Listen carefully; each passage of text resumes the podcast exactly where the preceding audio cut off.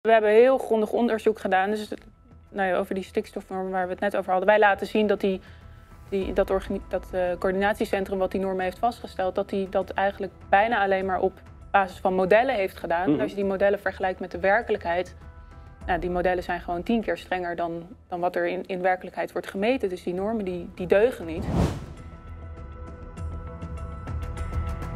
Welkom bij Café Weltsmet. In aanloop naar de Tweede Kamerverkiezingen van 22 november zullen wij hier geregeld uh, Kamerleden die op de lijst staan voor welke partij dan ook de kans geven om zichzelf te presenteren en uh, hun standpunten, die van hun partij en waarom die standpunten bij hun eigen persoonlijke standpunten passen. Uh, vandaag heb ik de grote eer om te mogen ontvangen van Forum voor Democratie Liedewij de Vos.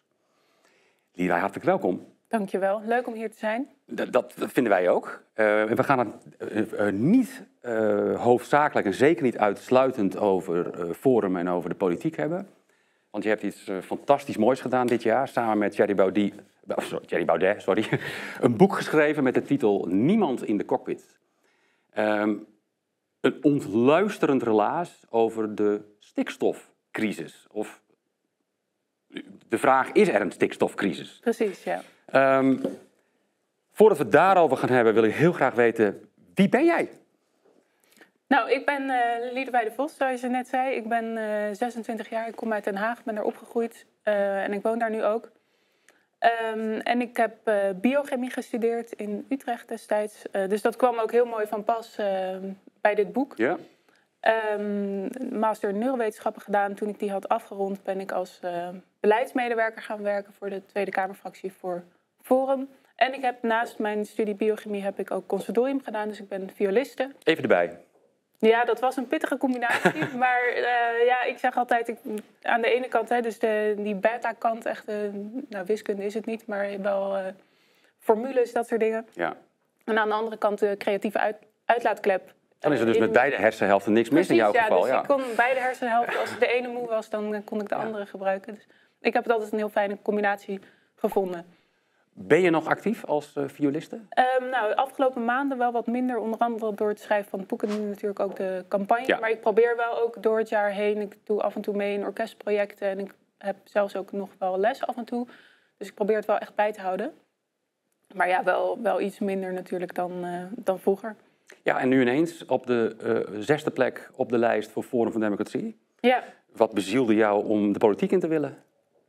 Nou, dat begon eigenlijk, was een hele tijd ook in mijn uh, studententijd actief voor de jongerenvereniging. Dus eigenlijk sinds het begin van Forum voor Democratie wel betrokken. Um, maar eigenlijk begon mijn behoefte om echt uh, zelf ook uh, ja, mijn steentje bij te dragen aan Forum aan het eind van mijn master. Dus ik zat in Rotterdam, een onderzoeksmaster neurowetenschap. En dat was precies in de periode dat corona begon. Mm -hmm. Dus ik ben ook een tijd naar huis gestuurd. Kon mijn experimenten in het lab toen niet doen. Um, en ik zat in een heel medische omgeving. Het was in het Erasmus ziekenhuis, de onderzoeksafdeling. En ik had eigenlijk verwacht dat daar wel wat kritische vragen op een gegeven moment zouden komen. Dat mensen toch hun twijfels zouden hebben over de mondkapjes of de vaccinaties. Mm -hmm. En dat gebeurde niet. Dus uh, ja, mijn, mijn plan om uh, het onderzoek in, onderzoek in te gaan, promotie te gaan doen, dat soort dingen, begon me toch wel af te vragen of ik nog jarenlang tussen mensen wilde zitten die die kritische vragen niet stelden. Want jij had die vragen wel gesteld, begrijp ik, en daar ook ja, een, ik, een antwoord op gevonden, wat in ieder geval tegen het narratief. Nou ja, ik had uh, zeker mijn, mijn twijfels natuurlijk over die lockdowns. En Ja. net eigenlijk hetzelfde als, als Forum. eh, afgezien van die eerste paar weken dat we dachten, oh, even Mhm. passen op de plaats, was ik er daarna wel vrij snel over uit dat het eh, niet goed was wat er, wat er verder aan eh, maatregelen werden getroffen. Dat we gewoon weer, is, is, daar, de- is daar een klik tussen jou en Forum ontstaan? Is dat het moment dat je dacht van, hé, hey, dat is de partij die mijn... Eh, nee, dat was al wel veel eerder. Dus dat was eigenlijk al na de Tweede Kamerverkiezingen in 2021. Of in aanloop daarna. Toen heb ik ook voor het eerst op, eh op Forum voor Democratie De uil van. Minerva-tijd. Nee, daarvoor nog. Dus in 2017 was dat ehm, de allereerste Tweede Kamerverkiezingen waar zij uh, Arthur Baudet... Oh ja, want de Minerva is Provinciale Staten. Klopt, Ja, ja. ja, ja, ja, klopt. Ja, dus eh, in 2007, 2017 eh, ben ik het allemaal gaan volgen. Toen heb ik op ze gestemd. En toen kwam er vrij snel daarna een zomerschool. Daar heb ik me ook meteen als jong meisje voor, ja, want je was, toen, je, bent toen een- je was 21 toen, Toen als ik was snel ik reken. eh, 19. 19 zelfs. Ja. Ja. Dus, eh, en er, er stond toen bij die zomerschool van ja, je moet 21 zijn. Maar ik had gevraagd van mag ik het, eh, ja probeer het maar. Dus ik je had hebt me niet toch... gelogen op je Nee, ik, je had, ik dacht nou, ik ga het maar gewoon proberen. En toen mocht ik mee. Dus eigenlijk Leuk. sindsdien eh, betrokken gebleven. Ja. Ja. en altijd heel erg, ja het is gewoon een fijne sfeer. En ik merkte ook dat, ik, dat er daar dus wel die kritische vragen werden gesteld. En dat trok me eigenlijk Ja. het meeste. Dan wil, ik, wil ik toch heel graag met jou over dat boek gaan hebben. Met name de inhoud erover. Want ik, ik, ik heb ehm, eh, ook mijn eh, eh, nou ja, zal ik zeggen, bedenkingen gehad bij de, ehm, het, het stikstofdossier, de stikstofcrisis waar sprake van zou zijn. Ehm, wat is volgens, volgens de, de, de geldende wetenschap het probleem met stikstof? Kun je dat, kun je dat kort samenvatten? Ja, dus kort gezegd zou stikstof, dus de- eh, dan specifiek stikstofverbindingen, dus dat zijn stikstofoxide uit de industrie en ammoniak uit de landbouw, die zouden een schadelijk effect hebben op de Nederlandse natuur. Ja. De uitstoot daarvan zou zo hoog zijn dat de Nederlandse natuur heel ernstig zou beschadigen. Ehm, en ja, dat moeten we voorkomen ook om, omdat we moeten voldoen aan Europese regels. Dus allemaal het, het verhaal, zou ik Ja. maar zeggen. En, en welk deel van de natuur heeft daar dan last van? Want ik begrijp dat er Ja, de- allerlei eh, eh, eh, beplantingen, flora, fauna, heeft er totaal geen last van. Of, of vaart er zelfs wel bij als er veel stikstof is. Maar een bepaalde mossoort of zo. Nou ja, dus ehm, omdat dit dus een probleem zou zijn, zijn er bepaalde stikstofnormen. En die zijn vooral streng voor eh, vegetatie zoals heide bijvoorbeeld. Heide was het, ja. Die ehm, ja, wat minder goed tegen stikstof zou Ja. kunnen. En ja, het gevolg van, van deze aannames is dat er drastische maatregelen nodig zijn, omdat de stikstofuitstoot hoger is dan die normen die we nu Mhm. hebben. Dus, dus die uitstoot moet drastisch naar beneden en daar zijn heel strenge maatregelen. Oké, dan wil ik dat gelijk even met jou destilleren naar... Want je zegt enerzijds zijn er normen bepaald om een probleem, namelijk dat, dat sommige heidesoorten er slecht tegen kunnen, eh, te voorkomen. Of, of, of de- de- boven die norm heeft heide en andere dingen een probleem. Ehm, is, het, is de norm het probleem of is de uitstoot het probleem? De norm is het De probleem. norm is het probleem. Dus die normen die, die gaan eigenlijk al een hele tijd terug. Die zijn in eh 2019 zijn ze in de Nederlandse wet opgenomen. Dat was de, de rotmaatregel van eh, Rutte naar aanleiding van de, de pasuitspraak. Dat zullen veel mensen misschien nog wel weten. Ehm, maar eigenlijk zijn die normen ook al veel eerder. Die spelen al een jaar of twintig een rol in het Nederlandse beleid. En ze zijn in eerste, in eerste, in eerste instantie vastgesteld door de Verenigde Naties Mm. eh, al vanaf de jaren negentig. Eh, en daar heeft Nederland ook weer een, een sleutelrol gespeeld. Want Nederland heeft destijds gezegd: oké, wij willen die normen wel vaststellen. Dus wij gaan namens de Verenigde Naties een eh, coördinatiecentrum oprichten in Nederland. Dat werd ook ondergebracht bij het RIVM en betaald door de Nederlandse overheid. En dat eh, centrum is die normen gaan vaststellen. En ja, het gevolg is uiteindelijk geweest dat die in de Nederlandse wet terecht zijn gekomen Ja. en dat we nu dit beleid hebben. En wat zijn de gevolgen van het beleid? Want wat, wat, welke maatregelen staan ons nu te wachten? Nou ja, dus het begon eh, in 2019 met ehm verlagen van de maximumsnelheid Ja. van 130 naar 100.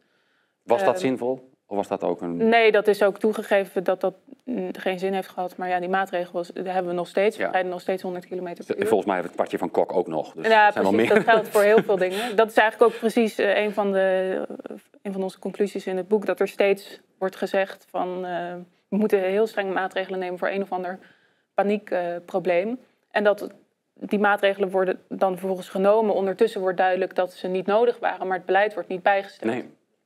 Dus, ehm, maar dus behalve dus die eh 100 km per uur heb je natuurlijk met name voor de boeren nu heel strenge maatregelen. Dat er ook met onteigening wordt gedreigd. Ja.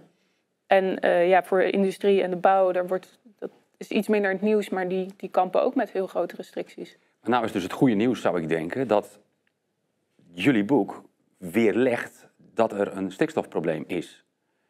Ja, En dat, dat is onderbouwd. Ja we, hebben, we hebben heel grondig onderzoek gedaan. Dus nou ja, over die stikstofnormen waar we het net over hadden. Wij laten zien dat die, die, dat, dat eh, coördinatiecentrum wat die normen heeft vastgesteld, dat die dat eigenlijk bijna alleen maar op basis van modellen heeft gedaan. Mhm. Als je die modellen vergelijkt met de werkelijkheid, nou, die modellen zijn gewoon tien keer strenger dan, dan wat er in, in werkelijkheid wordt gemeten. Dus die normen die, die deugen niet. Ehm, en die zouden we ook eh, gewoon van tafel moeten halen. En dat kan ook gewoon. En jullie hebben dat boek natuurlijk en die hele studies aangeboden aan allerlei instanties die daar uh, de afgelopen jaren druk zijn geweest met maatregelen bedenken. Die zijn natuurlijk meteen allemaal teruggedraaid. Nee.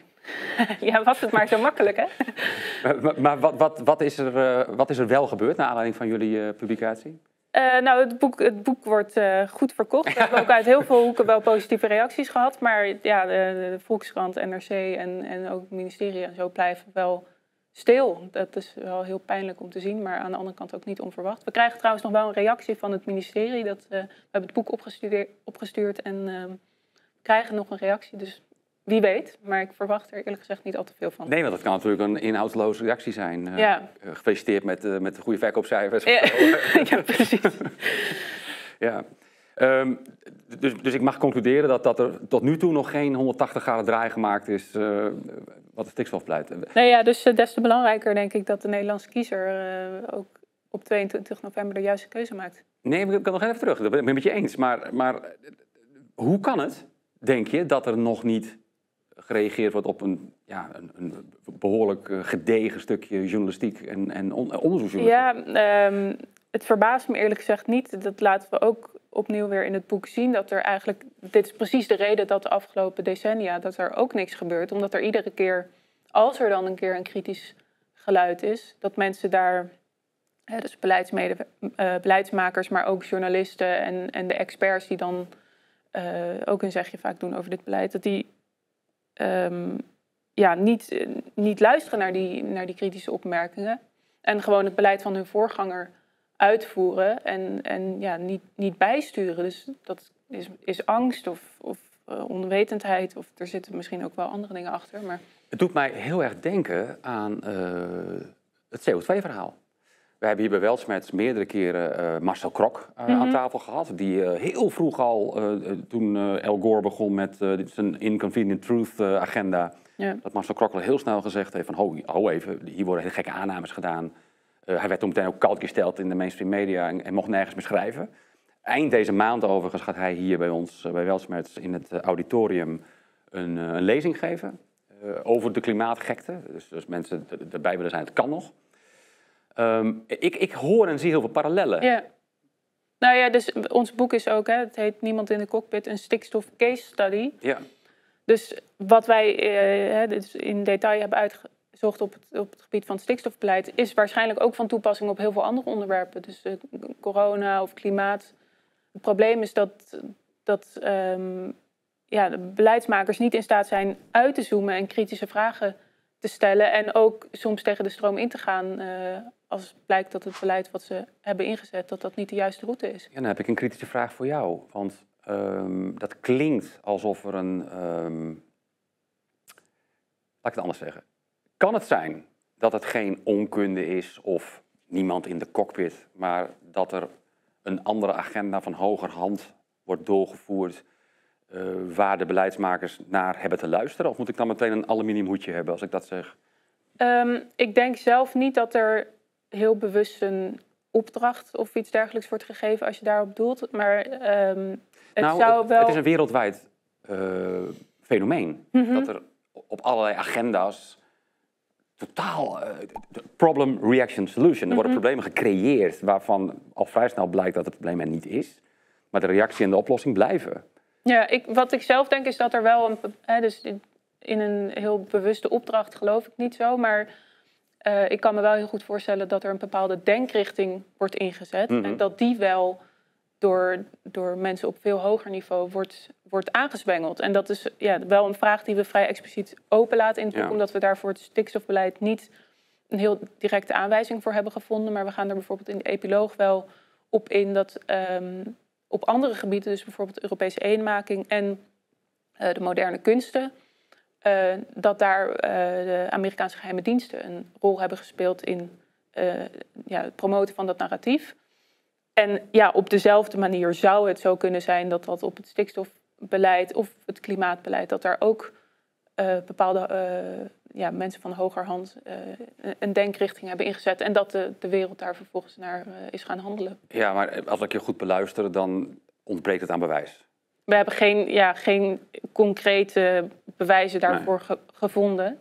ik denk op Nederlands niveau is het wel gewoon echt onkunde. Dat laten we denk ik in dit boek wel heel duidelijk zien. En dat, ja, dat maakt ook dat we relatief makkelijk het beleid ook zouden kunnen veranderen. Daar doen we ook heel concrete voorstellen voor. Welke andere partijen in de Kamer uh, ondersteunen dit verhaal? Zijn er andere partijen die het stikstofbeleid van tafel willen hebben? Um, nou, Forum voor Democratie is wel de enige die dit zo grondig heeft uitgezocht en echt met een heel concreet alternatief komt. Mm -hmm. ja, Boer-Burgerbeweging bijvoorbeeld is natuurlijk een vaak gehoorde partij in dit verhaal. Die zijn enigszins kritisch, maar je zag bijvoorbeeld de afgelopen week ook dat zij uh, in Zuid-Holland was daar gedoe over dat um, Forum voor Democratie had een motie ingediend om uit te sluiten dat er geen, vergunning, geen vergunningen werden verleend op basis van uh, stikstofuitstoot. En Boer-Burgerbeweging heeft daar tegen gestemd. Dus ja, je kunt je afvragen ja. hoe, hoe kritisch zij dan zijn. Ja. Ja, ik stel de vraag omdat je straks natuurlijk in een situatie komt waar de helft plus één bepaalt. Mm -hmm. En uh, dan klinkt dit vrij somber als je het over het stikstofbeleid ja. hebt. Of, of er moeten wel hele merkwaardige verrassingen op 22 november plaatsvinden.